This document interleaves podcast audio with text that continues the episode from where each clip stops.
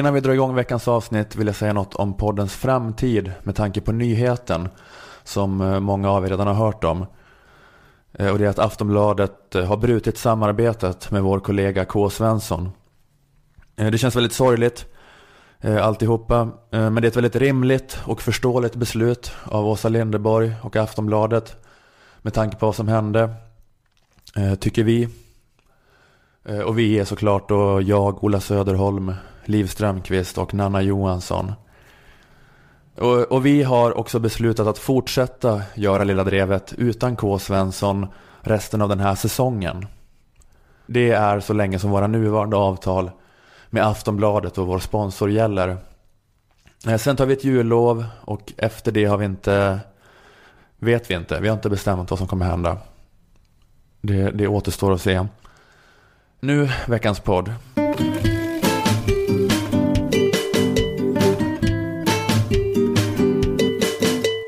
Hej och välkomna till Lilla Drevet. Idag med mig, Liv Strömqvist, dig, Ola Söderholm. Hej. Dig, Jonathan Unge. God kväll. Kul att ni är här. Hoppas du tycker att det är kul, Jonathan. Ja, jag tycker att det är, om inte annat, om inte annat intressant. Det är, du, det är du som ska få leva upp där med lite glatt humör. Mm. Vi andra är lite granatchockade efter de senaste dagarna. En väldigt uppmärksammad nyhet i veckan eh, var att eh, representanter från Sverigedemokraterna har åkt och eh, kanske fortfarande kvar, jag vet inte. De har, åkt, ja, de har befinner sig vid olika ställen vid EUs yttre gränser där de delar ut flygblad med påhittad information om Sverige, om Sverige i syfte att avskräcka människor från att ta sig hit. Mm. Många har ställt sig frågan Ska verkligen Sveriges tredje största parti dela ut flygblad med påhittad information? Men jag undrar också en annan sak. Ska verkligen Sveriges tredje största parti dela ut flygblad? Alltså jag menar så här, grejen att stå och liksom dela ut något så här uppkopierat A4 skrivet i Times New Roman. Den typen av grej är något jag liksom associerar med, jag vet inte vad, kanske en 17-årig aktivist som vill att man ska stödja en eh, kommunistisk gerilla kanske i Peru. Mm. Om jag ser ett sånt flygblad förväntar jag mig att det ska innehålla bevingade citat från ordförande Gonzalo. Och det är inget fel med det, det är bara att jag, jag eller jag tror det är så konstigt varför liksom ett svenskt politiskt parti med statligt partibidrag och liksom enorma resurser beter sig som sådana utfattiga kommunistiska tonåringar eller ideella scientologer. Eller eh, sådana jätte, jättegamla gubbar som liksom vill sprida information om att mordet på Olof Palme egentligen var ett självmord. Men, nej, men jag vet inte, jag bara tycker att det är konstigt därför att om man sitter i riksdagen, att man har sån eh, otrolig, eh, att man liksom, jag tänker att man skulle ha liksom mycket mer möjlighet att påverka Alltså mm. när man håller på med en sån utomparlamentarisk metod, att man står och huttrar någonstans med sina liksom egenhändigt gjorda flygblad. Det gör man för att man inte liksom sitter i eh, parlamentet, eller? Men de har ju sagt precis det här att de har gått till barndom på grund av att parlamentet är så värdelöst. Mm. Så de har gått tillbaka 15 eh, år i sin historia. Jaha. För att det är uttömt. Riksdagens möjligheter är uttömda för oss. Mm. Vi har försökt få igenom beslut men vi har bara 13 procent eller något de kommer fram till. men de är ju jättearga för att det inte går att göra något den parlamentariska vägen. Så, att, ah, så, så, nu har de liksom gått över till att bli aktivister igen mm, okay. istället.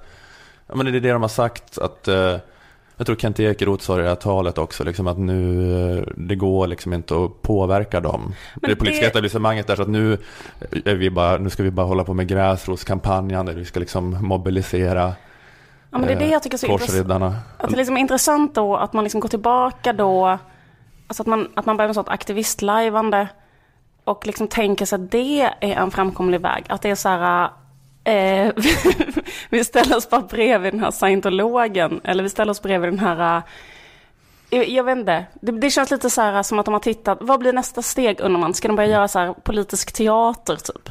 Ska de skaffa ett stort tält och göra ett sånt tältprojekt där de så här turnerar runt hela subsahariska Afrika, försöker sprida sitt budskap mm. via kultur? Jag, jag tycker det är konstigt att man tittar på Sven Wollter och tänker så här, allt han har gjort, det ska vi göra. Det är den här vägen vi ska gå. Att samla ihop så här, Christer Sandelin, Marcus Birro, ge sig ut till Afrikas horn. Alla hjälper till. Att packa ihop tältet, resa upp det igen. Alla ligger med alla. Den stämningen. Men de är väl nödda och tvungna antar jag helt enkelt. Ja, men de är inte nödda och tvungna, för det som händer nu med dem är ju att deras politik är ju liksom tagen, om man ska säga, av Moderaterna. Och sossarna. Ja, så att jag menar, det enda de behöver göra det är att, eh, liksom, va? Ska ni gå upp och åka någonstans? Är ut flygblad. Ni kan bara somna om. Men, ja, men det känns som att... Eller har de blivit som sådana pensionärer som liksom måste ha något att göra? Så att det blir så här, jag engagerar mig i trädgårdsföreningen, typ att det är en sån grej. Men det, det känns som att de, eh, att, eh, att andra partier liksom eh, gör så här, kommer med förslag om strängare asylpolitik. Det är inte som att de, menar, att de liksom tänker liksom radikaliseras lika mycket som fältet dras åt höger hela tiden.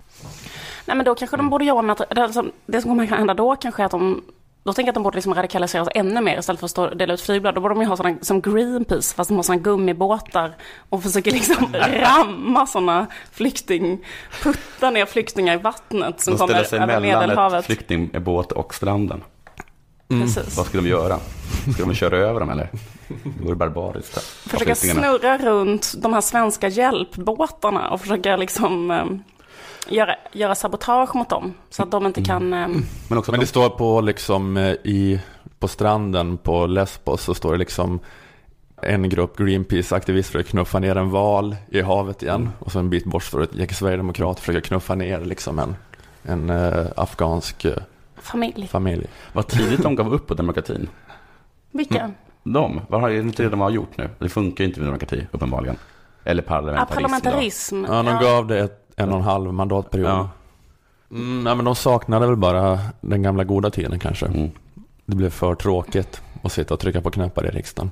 Vi saknar det här bara stå på en parkeringsplats i Eskilstuna och skrika Sverige åt svenskarna. Men det är också så här med Sverigedemokraterna tänker jag att eh, de, eh, alltså man kan säga nu, ja, Moderaterna har tagit efter deras politik nu. Men det är så här eh, i ett, ändå i ett läge då det liksom kommer folk tio gånger snabbare än vad det har gjort tidigare. Så då kan man ändå säga att ja, det är inte deras ideologi vid varje givet läge att ha den här politiken, Moderaterna. Men det har ju Sverigedemokraterna alltid haft. Även om ett år då det kom 2000 asylsökande på ett år så sa de nio av tio måste liksom bort minst. Så de är så Alltså, ide- det- ideologiskt emot all form av kulturblandning. Men ifall de liksom drog, eh, alltså tyckte att det var eh, snudd på systemkollaps då. Alltså då, ifall de liksom ska liksom vara konsekventa i sin retorik så är det ju så för sent redan idag. Ja. Alltså allt är ju kört. Alltså det som de har varnat för har ju hänt för länge sedan. Jag vet inte, men jag fick lite känslan också när jag såg Jimmy Åkesson aktuell att nu bara skiter vi i det. Det spelar inte så stor roll att det här är lögner. Vi bara kör nu. Det är inte så noga med så här politik, nu är det bara beväpna er kanske. Ja. Barrikadera er i något skyddsrum med vapen och konserver. Nej, precis. Och Det- kanske de här äh, arnböckerna som de Mm. låter fördriva tiden med. Men det var så rätt, de har, alltså det de har varnat för är ju redan här. Ja. Det var ju egentligen redan här när de varnade för det. Ja. Eh, så så om, precis, om, de borde, om de ska vara konsekventa så är det faktiskt bara att, att eh, ut och mörsa. Liksom. ja men precis, för det, det är liksom, Sverige är Allt annat än raskrig är ju för sent. Ja men för de har ju drivit tesen då att vi måste rädda Sverige. Och det är, Sverige är förlorat nu, enligt deras liksom, definition. Så då är det ju liksom steg två i deras... Och jag vet, och det har de väl inte presenterat vad som hände sen. Om det här första skiter sig, som de trodde att de kunde rädda. Så nu är det kanske egentligen bara då, ja det kanske bara ladda för eh, det här etniska sönderfallet. Och, Och så barrikadera sig inne i celler som Astrid Lindgrens Värld och sånt. Ja precis. De ska försvara Astrid Lindgrens Värld som Tempelberget i Jerusalem.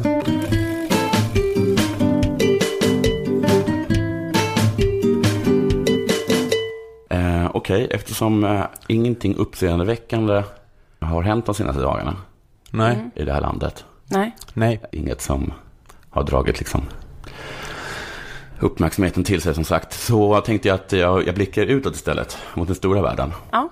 och jag tänker eh, låta den som jag nu ska tala om få chansen att presentera eh, sig själv. I got a backbone, I got a heart, and I got a brain. Mannen ni just hörde är John Ellis Bush, Aha. kallad Jeb. Ja, Just det. vad sa han? Jag har en ryggrad. Ett, hjärt, en hjärt, ett, ett hjärta och en hjärna. Okej. Och han har allt som krävs för att bli USAs 45 president. Enligt sig själv i alla fall. Eftersom han har fungerande organ. Har han inga andra kroppsdelar? Nej, det är de man har. Det är de tre i liksom varsin burk Det är med. de som behövs. Han har dem i alla fall. Han säger inte hur väl de fungerar. Han är alltså bror till eh, George W. Bush, Ja. den, den äldre. Och eh, son till George W. Bush, den ännu äldre. Jeb har... Han är inte, inte han George H. Bush? Den, Jaha, det den är äldre, det. äldre, Det är så. Är det, aha, okej. Jag tror de hade exakt likadant. Vad tråkigt. Det pajar allt. Jeb har sett som eh, stor favorit till att bli Republikanernas presidentkandidat i många år. Skulle jag säga. Ja. Även då han inte ställt upp har han varit favorit. Om han bara hade ställt upp så hade det här varit en walk in the park. Har folk sagt. Och han är liksom den första, och, eller om det var den enda, republikanska guvernören som blivit omvald i Florida. Så han- det, det är hans, tydligen en fjäder i hatten. Och så har han då varit favorit bland de konservativa eh, i partiet. Han, har, eh, han misstror, i alla fall har misstrott klimathotet.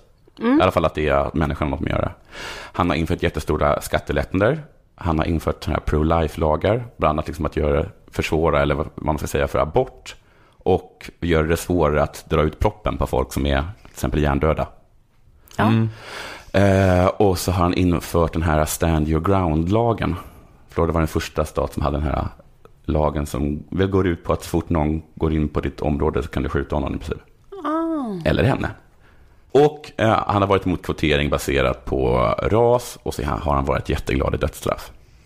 Han eh, borde ha liksom varit jätteälskad av de republikanska väljarna, men istället så har det gått egentligen sagt uselt för Jeb under den här presidentkandidatskampanjen. Men jag, jag har hört det, jag har hört på den här Slates Political Gab Fest någon Ja, gång. ja. Och då pratar de om att du hatar den. Nej, men jag, alltid när jag lyssnar på den så förstår jag när, när sådana här hillbillies snackar om att man borde skjuta eh, östkustliberaler. Ja, Jag har aldrig riktigt förstått det tidigare, först jag lyssnade på de här olika gab, gab-grejerna på Slate. Du förstår antisemitismen. Ja, jag förstår det också, aldrig har förstått.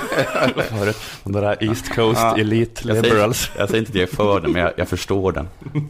Att man hatar, känner klasshat när du lyssnar på det. Jag säger inte klass, ja, det är väl mer det här... Judehat. ja, men det är mer det här ned, nedlåtande... Eh, nej, jag gillar dem inte. Det är som Aaron Sorkin-karaktärer. Ja, verkligen. Men de har pratat... Fast utan charm. Ja, men de har pratat om att... ehm, ja, men jag har hört från den podden att han har varit så sensationellt usel på att kampanja. Ja. Att det har gått, Det har gått jättedåligt. han har haft alla pengar och allt favoritskap och Ja. sen bara förstört eh, allt hela tiden. Ja. Han har hamnat lite i skymundan bakom Trump, men det har ju och för nästan alla. Men han har i alla fall blivit tvungen eh, att till och med att hitta på en ny eh, slogan som går så här. He's rebranding his campaign with a new slogan. It's called Jeb Can Fix It. Och med it så menar Jeb USA, men många tror att det står för Jeb. Att vara inte oroliga, jag kan fixa det här. Jag vet att det verkar så helt, eh, det här kommer aldrig gå. Alltså det Men var, jag, jag kan fixa det. Är det inte Byggare Bobs slogan? Är det? Då är det ju... Heter det? Can det, we fix it? Yes we can. ja, då är det, då är det stöld. det så då både Bar- Barack Obama och Jeb Bush har snott sin slogan från Byggare Bob. För att det var Can we fix it? Yes we can. Ja, just det. Ehm, men um, okej. Men så, alltså, han har gjort, valt en slogan som det var lätt för folk att vitsa om. Då. Ja, precis. Och eh, han har haft ganska, eh, efter, han har va- varit med i, jag vet inte hur många, om det är fyra debatter eller någonting de har haft. Med, med de republikanska presidentkandidaterna, eh, presidentkandidaterna och, och han har gjort, gått jättedåligt i alla. Ja. Eh, och efter det, den här senaste då, så blev han intervjuad i eh, programmet Meet the Press. Eh, och det har jag sett, där gjorde han, tycker jag, ett väldigt sympatiskt intryck. Mm. Gillar honom jättemycket. Eh, och, eh, men problemet är att han kanske gjorde ett för sympatiskt intryck. I alla fall om man ska tro experterna, eh, som då be- består av olika ledarskribenter, som sen efter intervjun får sitta i studion och kommentera hur de tycker att eh, Jeb gjorde ifrån sig under Ja. intervjun. Och de sa bland annat, eh, ut ett litet, litet, eh, litet medley här. And he is a gentleman, just not right for the times. You know, he's playing by the rules. Yeah. Yeah, yeah when nobody else is. But fix stuff and do stuff, it's just, it's not a rationale. It, it never works. Competence never works. Vad de säger bland annat är att han är, liksom, han är för mycket av en gentleman. Han spelar efter reglerna i debatterna. Det börjar inte med garva. Att det var någon gång att han, att han skulle svara på någonting som Mark Rubio hade, hade sagt, men så fick han liksom inte han fick liksom inte tala för, för de som ledde debatten och då var han bara tyst istället för bara bryta in. Han borde ha skrikit. Han borde bara skrikit liksom. Ja, just det. Och hans så här, främsta argument eh, för, sig, för, för att han liksom ska bli president, det är att han till skillnad från andra är, som, är, har kompetens för det. Han har varit guvernör eh, och sådana saker. Han är inte bara en person som står och skriker, han, är en kille som fixar saker. Men de menar experterna att det är ingen som bryr sig om kompetens. Competence never works. Nej, precis. Så de bara garvade åt, å- åt honom. Vilken, vi- och vilken eh, liten chans han har att, att bli vald nu. Han borde som sagt var, ha varit älskad, eller var älskad av de konservativa eh, väljarna. Eller han hade varit det för 20 år sedan. Men han har ändå väldigt hårda värderingar i konservativa frågor. Men han är ändå så snäll i sättet ja, bara. det, kanske det att, ja, det kanske är det så. Han är, han är liksom mot kvinnors rättigheter Mm, eller han säger det han på sån så, himla- sånt fint sätt. Han säger det på ett himla bra sätt. Så att folk tro, som lyssnar tror inte att han på riktigt kan vara mot kvinnors rättigheter. Så Nej, då då- röstar de inte på honom. precis. Man måste ta i mer.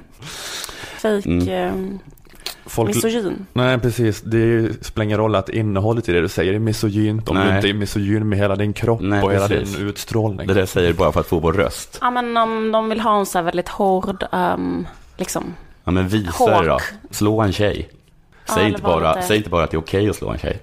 Talk the talk, but can you walk the walk? Ja, precis. För lite av problemet är med, dessa, med de här väljarna då, som han vill bli vald av, det är att de har ju blivit än mer konservativa och blivit än mer höger, samtidigt som de har blivit lite mer liberal.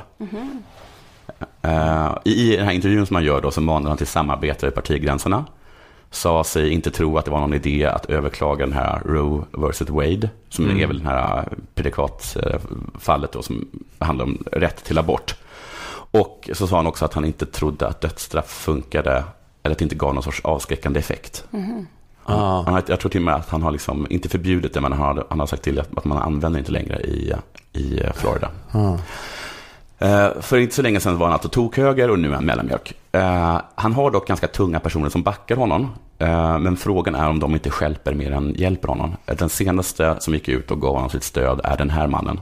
I used to go to PT at Walter Reed, and some of the cases were, I mean, you can't describe the condition these young men. Det här handlar ju- det här, det, han, det, det, det, här- det, alltså, här är alltså den förra, senat- förra senatorn och presidentkandidaten Bob Dole. Det han sa här hade ingenting med, Nej. med honom att göra, utan jag vill bara påvisa att, eh, att den här mannen då, Bob Dole, som redan när han kandiderade eh, mot eh, Bill Clinton 1996, var döende. Ja, jag minns att han var Ja. 98 år Ja, gammal ja, då. Man förstod inte hur, Nej, efter, kunna, hur ska han kunna eventuellt sitta i åtta år? Nej, precis. Jag tror att ett av de så här största argumenten mot Bob Dole var att var, varför skulle vi välja honom? Han kommer inte överleva de nästa två åren. Så där hade ju kritikerna fel. Men om man liksom får stöd av någon som borde lägga till graven redan för 20 år sedan så ses man inte som lika fräsch som andra kandidater, till exempel Mark Rubio. Nej. Uh, och Jeb anses för sansad och, och tråkig, uh, för kompromiss och samarbetsvillig. Det är inget umf, det är inget jävla namma i honom alls. Nej. Men det tycker jag är att fokusera för mycket på helheten. Man ska låta sig luras av, he- av helheten hos en person. Men man består inte bara av en helhet. Man består också av delar. Det tror jag ni vet. Okej. För visst finns det liksom uttalanden av Jeb som tyder på att eh, det finns en annan sida av Jeb. Aha. Som hans svar här på en fråga om hans relation till sin far. Eh, den George W. Bush, den mycket äldre, som då heter H istället. I, I don't even think about that. I love my dad.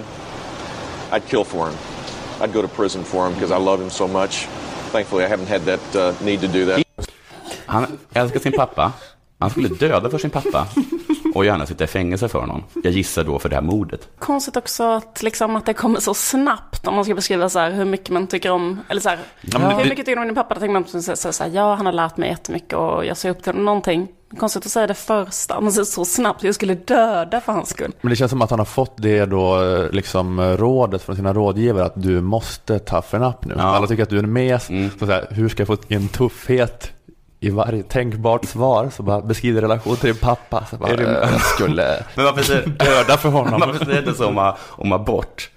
Är du för abort? Nej, det är jag verkligen inte. Du kunde döda för att vara emot abort.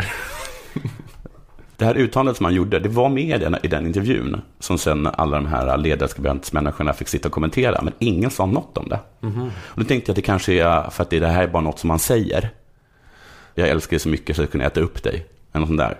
Ah, ja. Men just det där tycker jag att han la till att han skulle kunna gå i fängelse för honom, tycker jag pekar på att det är liksom lite mer än bara en liknelse eller en metafor. ja. Han skulle döda för pappa, fullt medveten om att det innebär fängelsestraff. En konsekvens som Jebbe vill att ta.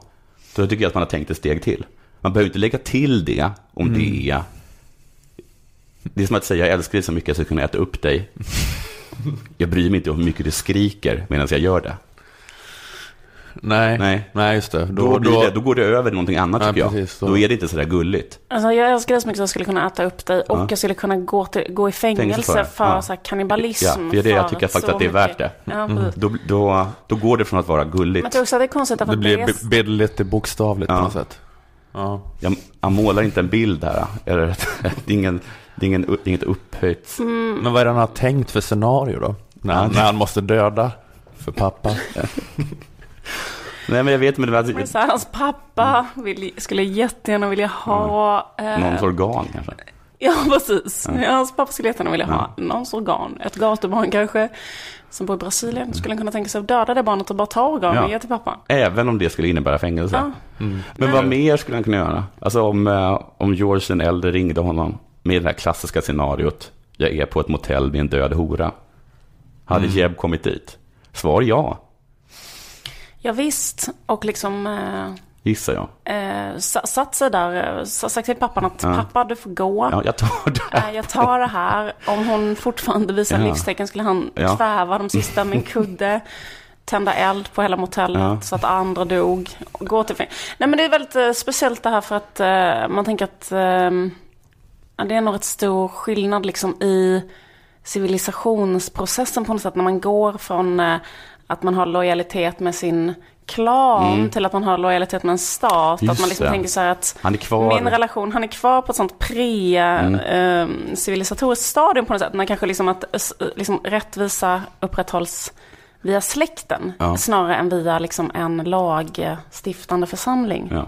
Men det är väl kanske i Jag och för sig, jag, det hade fått mig att inte rösta på honom. men det är väl det kanske i och för sig då som kan vara i linje med hur republikanerna hetsar varandra till att vara mer och mer anti-government i de här Ja, ja, liksom, okej. förvalsprocesserna. Ja, att han är nästan då är liksom bortom ens bara ha en nattväktarstat. Utan jag skulle kunna tänka mig bara att Ja, precis. Jag skiter i, i vad staten eller min stat tycker. Jag, jag, jag rättar mig efter vad biäldste. Pappa. Pappa biäldste. Jag bara, bara lyssnar på pappa. Klan. Washington ska inte berätta för mig Nej. vem jag ska döda Nej. för min pappa. Det ska min pappa göra. Jag vet inte också om han då är, är, är redo att pusha liksom, sin brors eh, döttrar ut för en balkong. Om de har gjort en skandal. Det var inte någon av dem som också hade så här, supit för mycket. Någonting. Alltså någon Jo, sorts visst, heder. Jag vet absolut. inte. Jag vet inte. The trouble, here comes trouble, twins. Eh, Jeb menar ju att det här är en hypotetisk situation. Han säger det. Att gudskelov har Double inte. trouble kallades de ju för. De hade ju flugit ner. Flugit från balkongerna. Om Jeb hade... Om någon hade sagt Jeb åt att göra det. Hur som helst. Eh, Men när vi ändå är inne på sådana här hypotetiska frågor så tar Jeb själv upp ytterligare en fråga. Det här är inte från, eh, från Meet the Press utan från, från en eh, bara filmad med, med kameran och sitter och snackar med någon. Så här tar han upp en annan sån här hypotetisk fråga. Said if you could go back in time and kill baby Hitler, would you? I need to know. And.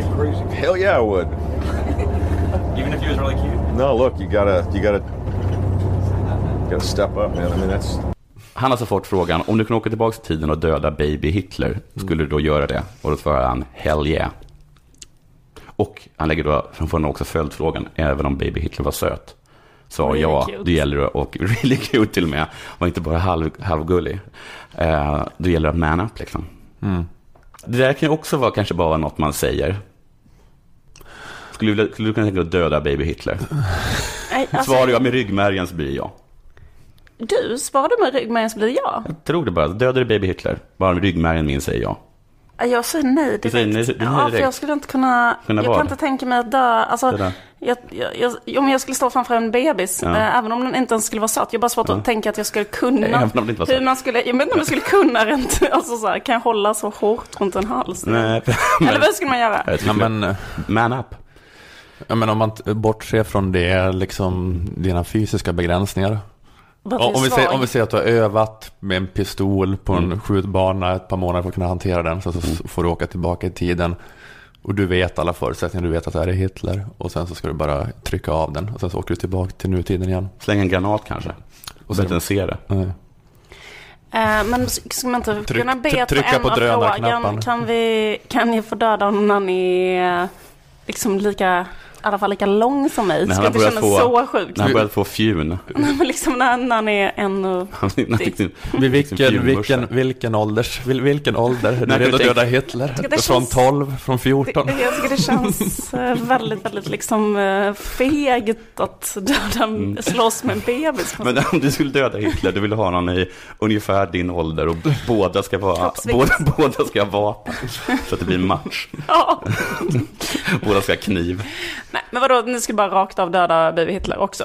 Nej, jag vet det inte om jag rakt av skulle döda honom. Men jag kan tänka mig att man får den frågan så bara så är det något man säger. Alltså lite sådär som att jag är beredd att döda för min pappa. Att det är bara något man säger. Och det Beror inte det här på, för jag bara att komplicera här, beror beror inte det här också på ifall man har en sån här marxistisk historiesyn eller en sån great man historiesyn? Ja, ja, du menar att det hade kommit en ny Hitler? Ja, Varför det ska livdöda ett litet baby Hitler? Ja, precis, för att förutsätt... Baby Himmler finns ju fortfarande. förutsättningarna krävde en Hitler. Så att Ja. om inte han någon annan, Ja. om man har då en sån marxistisk mer, eller? Mm. Det är väl det man säger. Men så finns det, alltså, vissa tror på så här great man, Mm. att det var just att Hitler fanns där och då spelade jättestor roll. Som att, att Djingis khan råkade finnas där och då, just han gjorde jättestor skillnad.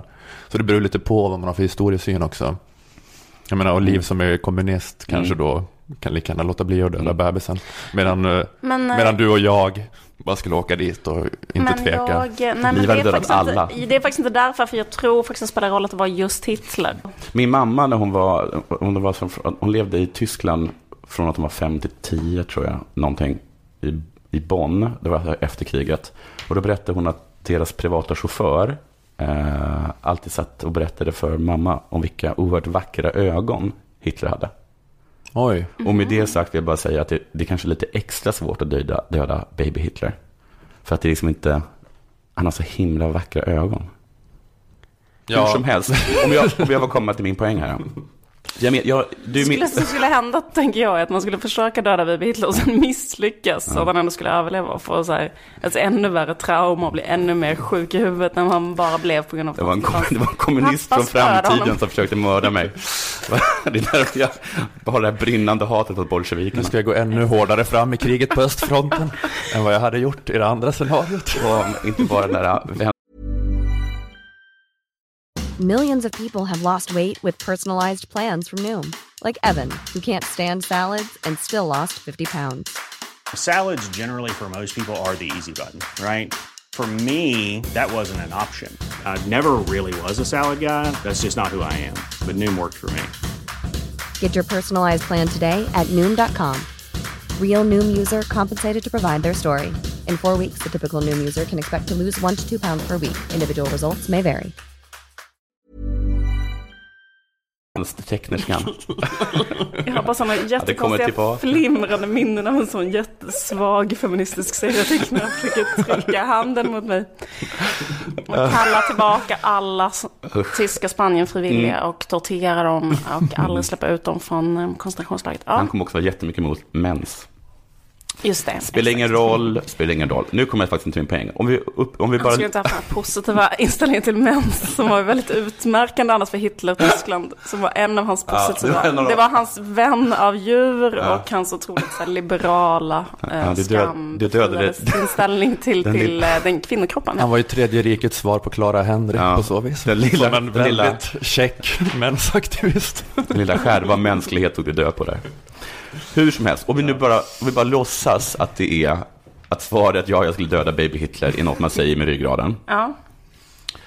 Eh, så är jag ändå så ställer jag mig samma, liksom, så ifrågasätter jag det på samma sätt som jag ifrågasätter det där han sa om sin pappa, när han, när han la till det där med fängelsetiden. För att efter att han har svarat på det här, och det här jag glömde jag liksom att klippa ut, så ni får helt enkelt bara lita på mig, eh, så börjar han liksom fundera lite kring det, kring det här liksom potentiella scenariot.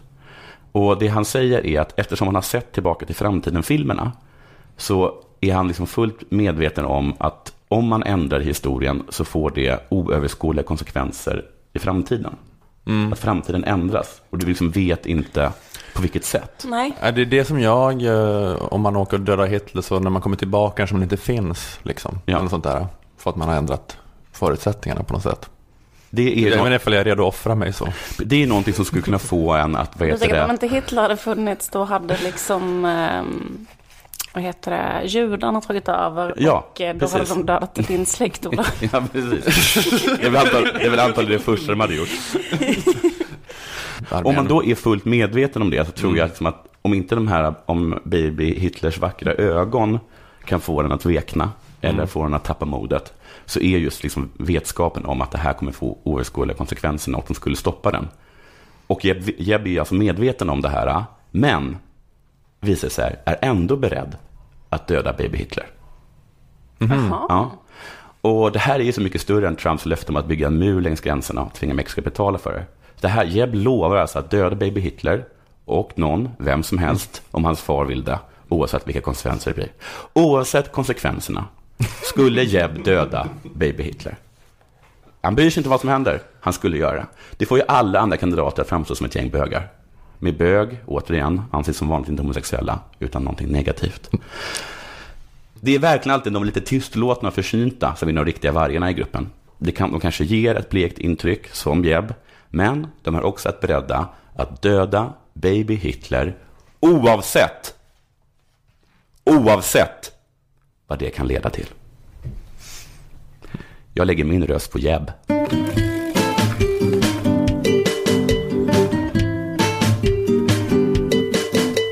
Det är så himla mycket flyktingkris nu. Mm. Oerhört mycket flyktingkris. Nästan som man önskar att det blev fred på jorden. Det är ju ständigt nya utspel om migrationspolitiken. Ja. Det är presskonferenser om flyktingkrisen lika ofta som killar tänker på sex. Var, var sjätte minut. 200 gånger i timmen. Okej. Mhm.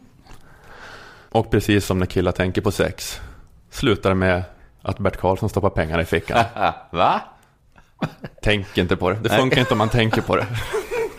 Att jag vet att det var kul, men... Ja, det hade rytmer av ett skämt på något sätt, men om man tänker på det så var det inte ett skämt. Men vi bara, bara släpper och går vidare så, så lät jag slagfärdig. Det alla killar gör då är att ladda ner en låt av Charlotte Perrelli på Spotify eller? Ja, det är jättebra, men jag tror man måste vara jättesnabb på en, på en ny mening efter det. Mm. Ehm, ja, ja. Ehm, men av alla förslag eh, så har Moderaterna varit mest hardcore. Eh, Förutom SD då, fast ja, vi, vet, vi, vet, vi vill prata om det, vi vet inte ens riktigt vad SD föreslår i det här läget. Det är bara någon slags utomparlamentarisk. Alltså det har bara liksom blivit en sån eh, skulle- scientologgrupp.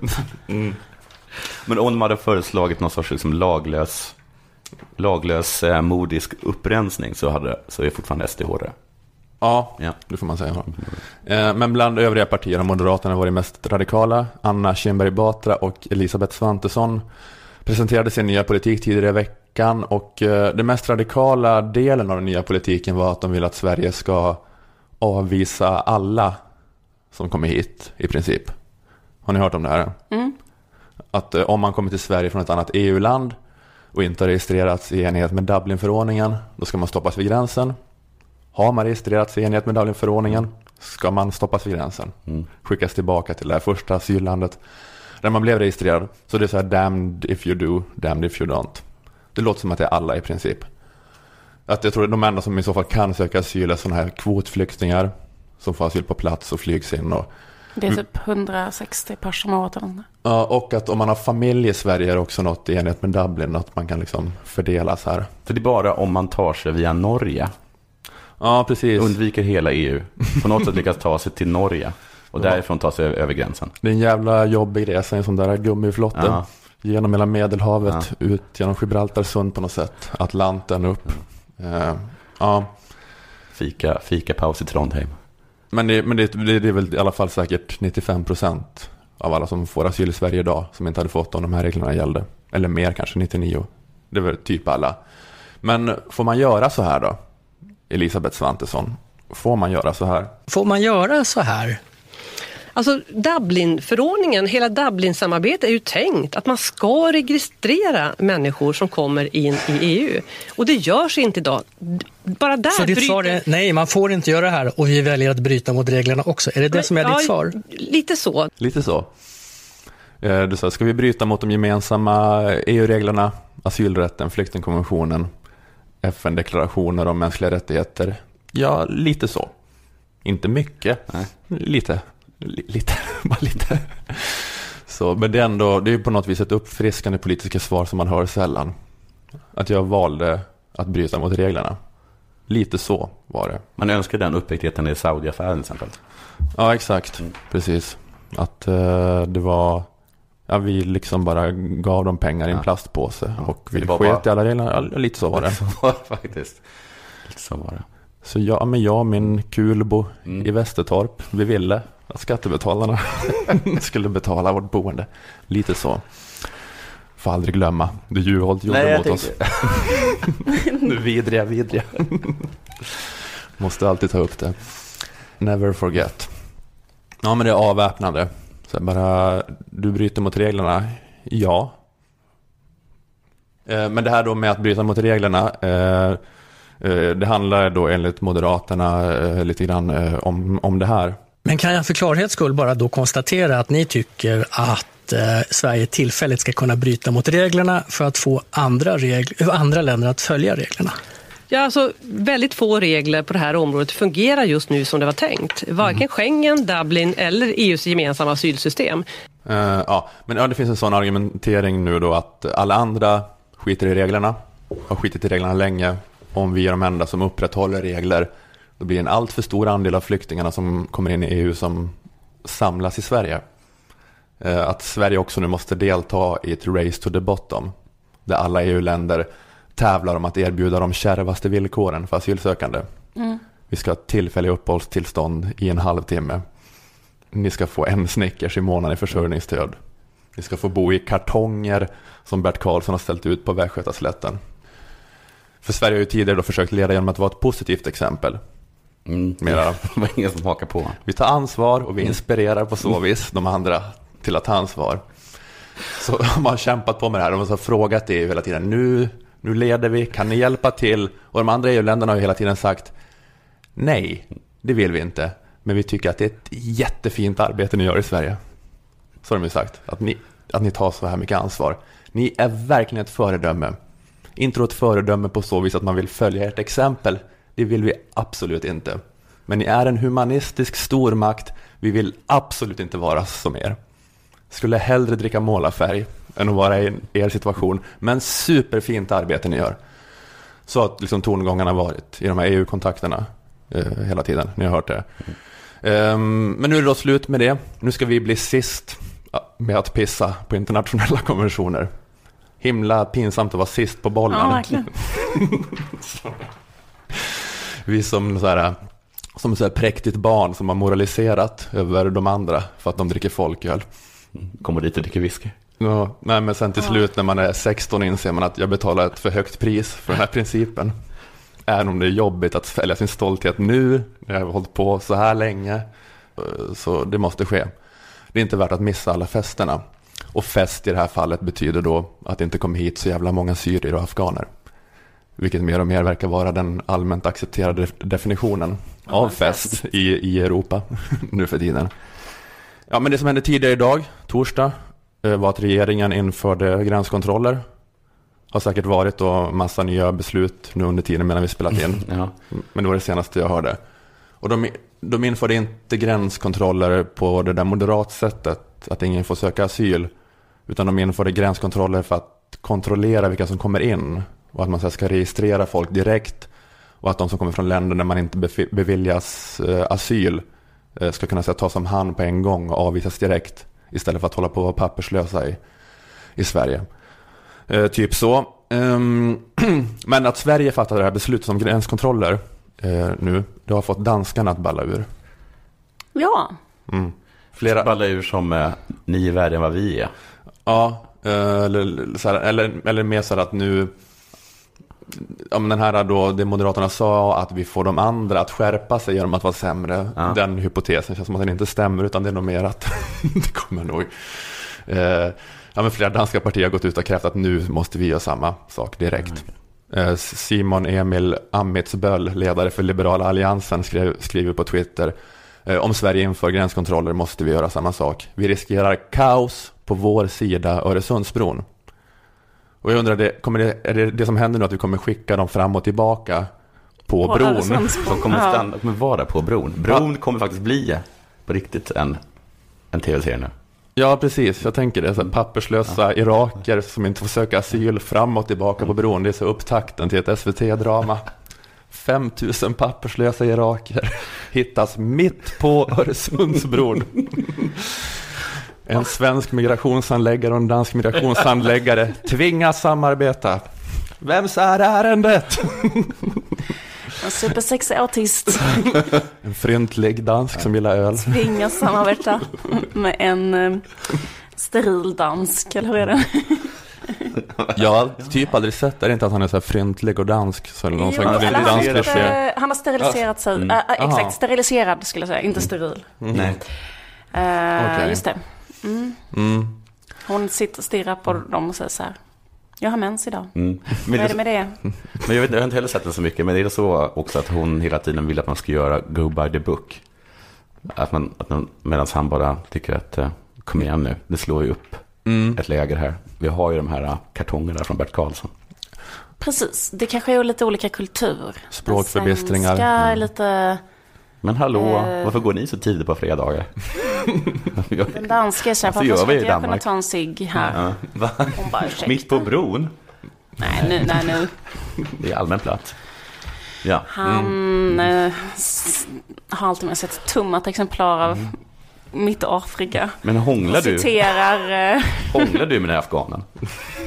får man väl inte göra? Äh, jag går. är det att den svenska är så här sexuellt frigjord? Ja, ja, det är hon kanske. Mm. Att, att hon så här, äh, säger, äh, vill du ligga med mig? Ja. Går ut på krogen och säger, vill du ligga med mig? Så går de hem. Säger så till en afghan? Mm. Eh, Guessing. Guessing-handlingen i bron. Ingen har sett den. Nej. Nej, precis. Ja, men det har jag också förstått att hon är så. Nej, det enda jag vet om det är att jag har bara sett så små klipp och eh, trailers från bron. Men det som är är väl att det är så i dialogen som Sofia Helin, eh, hennes dialog så att varje replik hon säger ska vara så här, jag har Asperger. Mhm. Att det, det är inte så här eh, överdrivet subtilt utan varje replik ska skrika jag har Asperger. Så att man förstår att det är det, som händer. Det är en Asperger-artad skildring av någon Asperger. Ja, det är, det är exakt eh, så. Men, eh, ja jag vet inte fan. Men det är, eh, det är sorgligt eh, då med den här flyktingkrisen. Och jag har då kämpat här idag och det här var det mest konstruktiva jag kunde komma på att Men- säga. om flyktingkrisen tyvärr. Att det kanske finns ett uppslag till ett nytt Hans Rosenfeldt-manus här någonstans.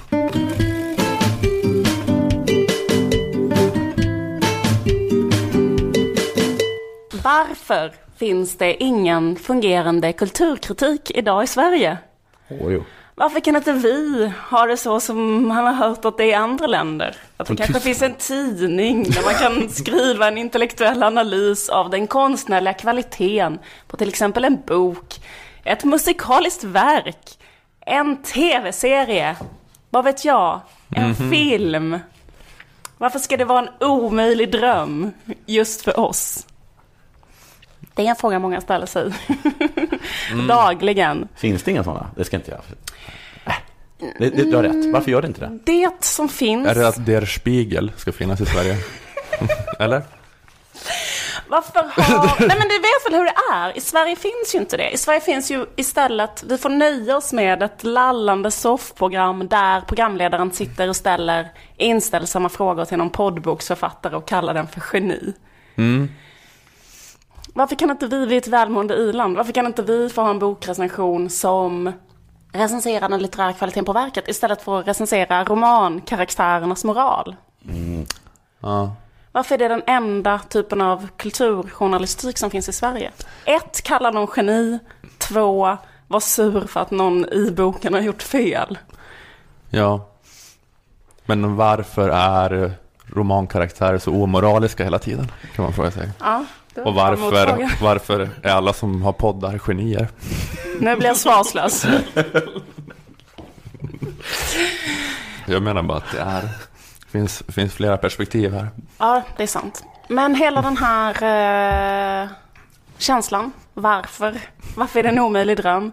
Den aktualiserades eh, för mig eh, via lanseringen av SVT-serien Boys för ett antal veckor sedan. Okej. Har det som konsument varit möjligt att eh, få reda på kvaliteten, eh, den konstnärliga kvaliteten på tv-serien Boys genom att ta del av media i Sverige? Vi lyssnar. Alltså det här är precis så pinsamt jobbigt som i trailern. Det är alltså skådisar som är 27 plus som ska spela 21-åringar eh, med manus skrivna av 35-åringar utifrån hur de tror att 16-åringar pratar. Det är, Det är Tobbe keps, Ek. keps på snedkillen. Ja, Igen. det är det. Det Är här, han vår enda? nej, alltså det här tog jag fram för att det här var det bästa. Jaha. Det här är den bästa kritiken jag har läst. Det här var det bästa någon har sagt om Boys. Alltså rent, liksom, det är den bästa recensionen av kvaliteten på Boys. Mhm. Det var Aftonbladet TV. Ja, ja, jag vet. Så det här var helt okej. Annars har det vanligaste sättet att recensera boys varit då, det här som jag pratade om innan, att inte recensera kvaliteten på själva tv-serien utan att man recenserar då istället kvaliteten på rollfigurernas personlighet. 9 oktober ger Aftonbladets tv-recensent Carolina Fjällborg ett plus till tv-serien Boys. Och som ett argument, som ett argument anger hon citat, enerverande, fjantiga rollfigurer. Mm. Hade serien handlat om Moder Teresa hade den kanske fått fem plus. Alltså om den hade handlat om någon som hade varit bara god, en underbar, underbar människa. Fem plus. Om serien hade handlat om Kofi Annan och Moder Teresa som bara var två sköna polare som bodde tillsammans i en lägenhet på Söder. Där de satt på sin balkong och utväxlade underbara, varma, fina ord om mänskliga rättigheter. Mm. Fem plus. Nu har ju de som skrev serien gjort misstaget att skriva om karaktärer som är fjantiga och enerverande. Då kan det bara bli ett plus, tyvärr. Mm. SVTs sida Edit, heter den Edit eller Edit? Det har inte jag fattat. Ingen aning. Jag tror Edit. Okej. Eh, Caroline Heiner skriver där i en recension att programmet Boys är dåligt för att karaktärerna i programmet är dåliga feminister. Så har hon upp en scen där karaktären Leo försöker ha feministiskt sex med en tjej och då föreslog att tjejen skulle sitta ovanpå. Men varför inte fråga tjejen vad hon själv ville göra istället? Frågade sig recensenten. Det hade väl varit bättre, Ja, eller? det- det här var det hade varit mer feministiskt. Mm. Om den fiktiva karaktären Leo hade varit en bra feminist, då hade det varit en bra tv-serie. Men om den fiktiva karaktären Leo är en dålig feminist, ja då är det en dålig tv-serie. Mm. Men hur ska man då göra om man som jag till exempel inte delar den här kultursynen då? Alltså att kultur ska vara en slags eh, moralisk instruktionsfilm där man ska kunna titta på rollfigurerna och utifrån hur de beter sig kopiera det och sen lära sig hur man själv ska bete sig. Om man inte tycker det, hur ska man då få reda på något om boys då rent konstnärliga kvaliteter? För så kan man kanske istället läsa DN Kultur. Tittar man vad recensenten Kristoffer Ahlström har skrivit. Han är också extremt negativ till tv-serien Boys. Skäl, kolon. Eh, de har missuppfattat hipstern, är hans kritik. Eh, Hipstern är inte så, som de här två killarna är i serien. Men jag tycker inte Det är att väl det... lite bättre, inte det? Ja, det är kanske lite bättre. De menar ju bara att, att eh, Det har inte fångat... eh, man missat, man skjutit över målet. Men för det har jag känt när jag också läst vissa kommentarer om boys, just det där med att när sådana som är hipsters ser den där serien. Att det var någon som sa, alltså de ser ut att vara klädda som om det är 2012. Om karaktärerna. Då känner jag mig dum på något sätt. Man kan, du har ju den här grejen man kan aldrig lita på hipsters för de vägrar att, de är som antisemiter. De vägrar erkänna att de är det. Jag, på, jag var i Göteborg och påpekade för att jag hade hört att eh, Guys är hipsterlaget nummer Aha. ett. Och då kom det fram en man och skrek åt mig och sa att det stämde absolut inte. Men den mannen som skrek det, för han hejade på Guys, var, hade, hade en liten, eh, liten hatt och mustasch på sig. Om man skriver om en tv-serie så måste det inte heller vara, säga någonting egentligen om kvaliteten på en tv-serie. Om det är så att eh, den skildrar två personer som beter sig otypiskt för sin grupp.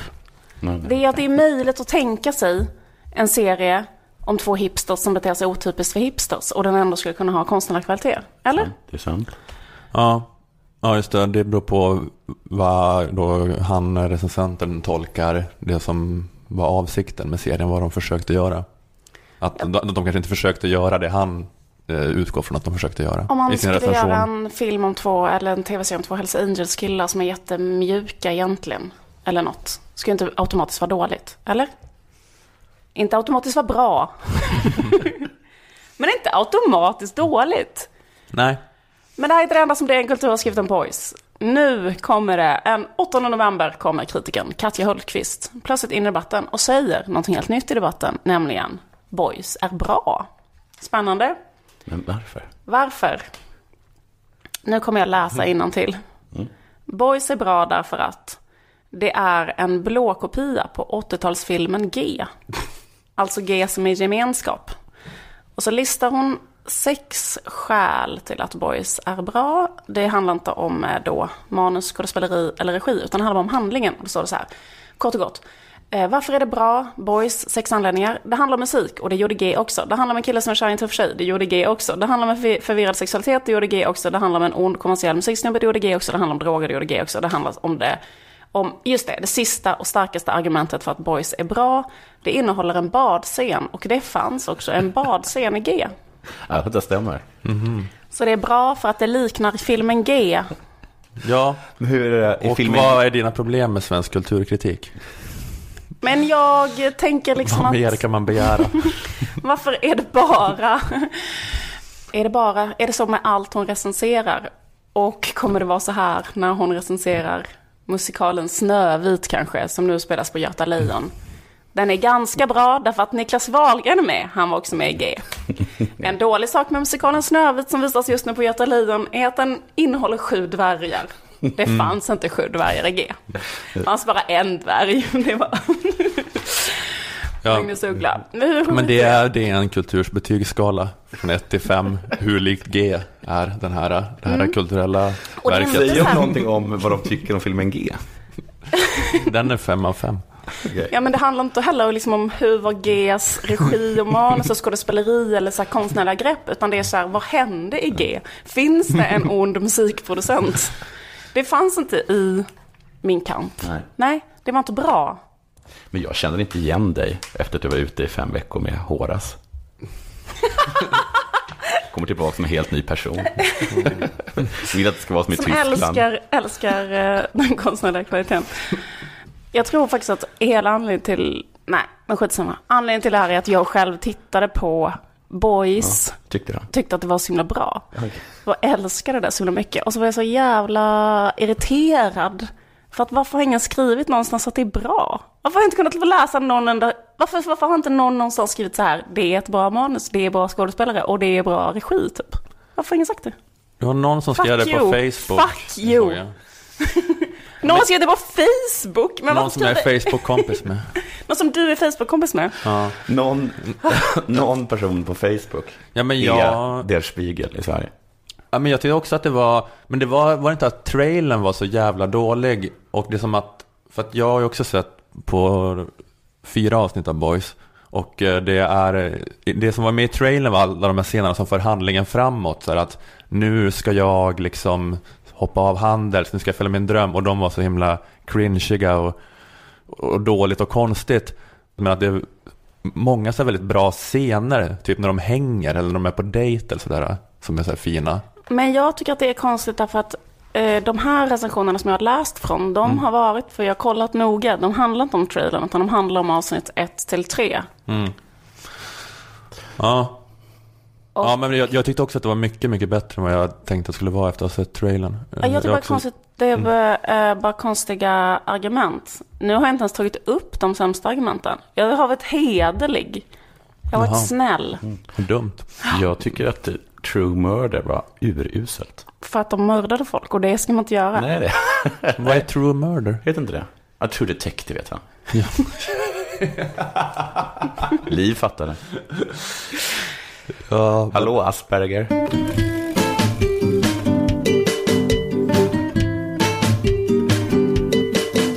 Men då kan jag säga att eh, det är det vi har Della Sport-turnén, alltså Della Sport, den dubbelt belönade podden, har föreställning i Örebro den 18 och Umeå den 90. Inte 90, Nej, 19. men vi förstod det. Ja, ja du förstod. Det 90 månvarvet enligt Mariakalendern. Mm. Det är det du menar. Nej men eh, vad, heter det, alltså hur då dubbelt prisbelönat? Ni har blivit bästa sportpodd. eh. Av svenska fans och nu också av eh, det hyllade Daytona-priset. Mm, oh, Så det där Daytona-priset, alltså fy fan. Har ni hållit på att göra reklam för er podd och gått, sagt gå in och rösta på oss? Men vet Då kommer jag- jag aldrig Tala med mig. tala med dig igen. Då har jag inte gjort det. Nej. Jävla patetiskt. Jag, eh, ja, visst, jag ska uppträda i Göteborg på något som heter Köta. Hör och häpna. Standupklubb som heter Köta. eh, Köta Comedy. Vad är det? 26 november. Ja, det är ett tag kvar. Eh, Sen ska jag också vara på eh, Oslipat talar om sex. Eh, som är eh, mm, eh, 19 november, det är innan i Stockholm. Mm. Jag antar att det finns biljetter på Tixter eller Biletto eller sånt där. Men Köta Göteborg den 26 och eh, eh, Oslipat den 19. Konstig ordning. Ja, jag sa dem i fel ordning. Och jag tror på båda de här ställena kommer jag köra ganska korta set för att det är så här Messiah Hallberg ska vara någon slags headliner i Göteborg och så är det jättemånga komiker i Stockholm. Skitsamma, nu har jag sagt det i alla fall. Det är bra. Mm. Tack hörni.